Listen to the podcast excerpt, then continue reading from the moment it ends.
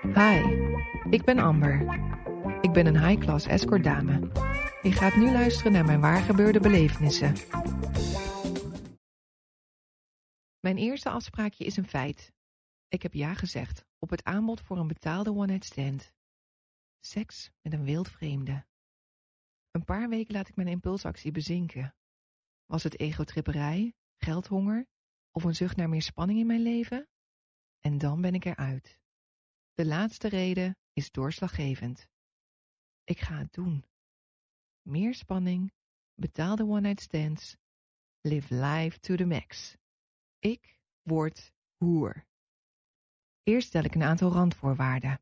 Ik heb mijn leven aardig op de rit, inclusief goede banen en fijn huis. Ik ken mijn talenten en krachten en verkoop mijn huid niet voor 50 euro. Ook wil ik mijn leven niet omgooien of verkleinen en ik wil al helemaal geen verdenkingen. Is dat inpasbaar? Avondenlang surf ik op internet en inventariseer ik mijn wensen.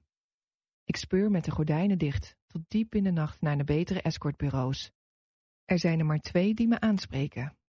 Mijn hart bonkt in mijn keel als ik het online sollicitatieformulier verzend. Allebei de bureaus willen kennis maken. En nu ik zelf een keuze heb, spreek ik uiteindelijk alleen af met de dame die mijn voorkeur heeft. Haar realistische kijk op de zaken trekt me aan. En haar stem maakt geen hoge halen aan het einde van de zin. Twee dagen voor het gesprek zit ik in pyjama op mijn bank. Alle lichten zijn uit, de kachel staat op de nachtstand en het brood voor morgen ontdooit op het aanrecht. Voor de zoveelste keer loop ik naar de spiegel boven het dressoir. Ik praat hardop. Ik ben een hoer.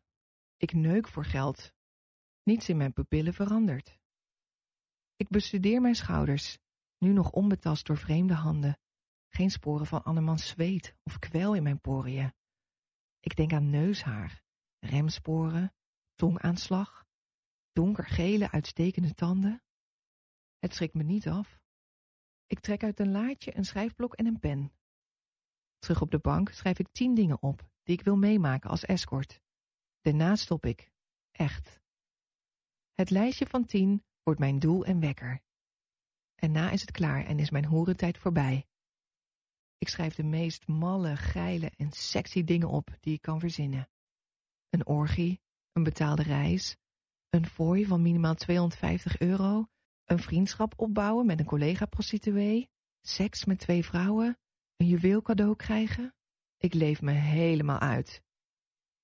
Mijn sollicitatie is een openbaring. Op het adres waar ik ben uitgenodigd lopen een paar meisjes zelfverzekerd rond. Dat zijn hoeren, denk ik. Ze zijn prachtig. Buiten wordt gecontroleerd of ik daadwerkelijk alleen ben. Met iemand op de uitkijk zou ik mogelijk niet vrijwillig werken, en dat is direct einde verhaal. Ik knik begrijpend. Geduldig beantwoord ik alle vragen over mijn motivatie, talenkennis, oprechtheid en daadkracht. Ik voel hoe ik gepeld word. Zijn mijn wensen reëel? Ben ik een golddigger of een nuchtere vrouw? Aan het einde krijg ik een hand. Ik ben aangenomen. Heb je ervan genoten? Mijn belevenissen verschijnen ook maandelijks in Linda.